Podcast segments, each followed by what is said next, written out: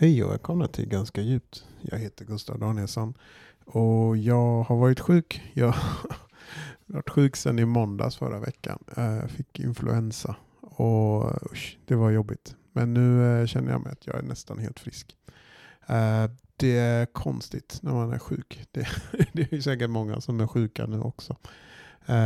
Men ja, det är så jag blir sjuk. Man blir smittad av någon annan. Eh, så jag har legat i sängen väldigt mycket. Och samtidigt som jag blev sjuk så kom de hit och håller på att renovera en toa hos oss. Så jag har haft, det har varit ganska jobbigt faktiskt. Ganska jobbig vecka. Eh, så jag har fått vara hemma från jobbet en del också. Men eh, det är så skönt när man har varit liksom frisk så, och så får man bli, när man har varit sjuk och så får man bli frisk igen. Eh, det känns som att livet kommer tillbaka till en på något sätt. Eh, så där känner jag nu. Och det är väl lite så egentligen man känner i ett makro, makroperspektiv. Att, eller ja, det känns väl lite gammalt att prata om covid nu men vi har ju, vi är väl tillbaka på någon slags status quo med galenheter i världen. Jag har inte tittat så mycket på nyheterna men jag är säker på att det händer massa galna grejer också. Eh, men jag hoppas att ni mår bra och att ni eh, har återhämtat er från jul och håller er friska.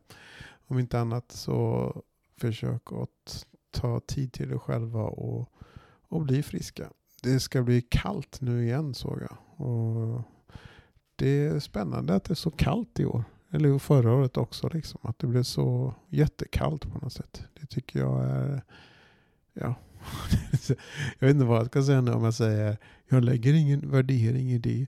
Eller som man säger något sånt så tror man att man menar att nej det, fin det finns ju ingen, eh, det finns ingen eh, klimatförändring.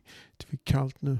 men, men jag vet inte. Jag tror att det, det varierar och så blir det säkert varmare. De sa väl att de var tvungna att säga på nyheten att det blir 2023 var det varmaste året någonsin. Så vi får se vad som händer med det. Det, var ju redan uppe i en och en halv grad någonting. Så jag undrar vad, vad som kommer hända. Vi får se. Det verkar ju ha vad heter det, saktat ner lite.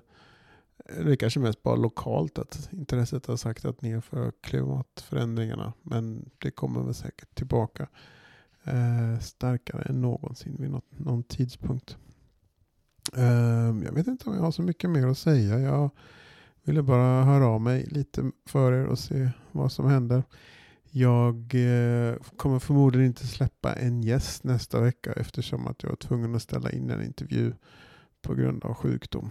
Eh, så det blir nog ett soloavsnitt nästa vecka också. Eh, men eh, vad händer mer i världen? Jo, jag kollade på Bäst i test i fredags. Det var, det var lite så, vad säger man, en eh, en tävling om tittarsiffrorna mellan På spåret och Bäst i test. Och vi kollade på Bäst i test för att jag ska kolla På spåret med min fru lite senare. Hon är bortrest.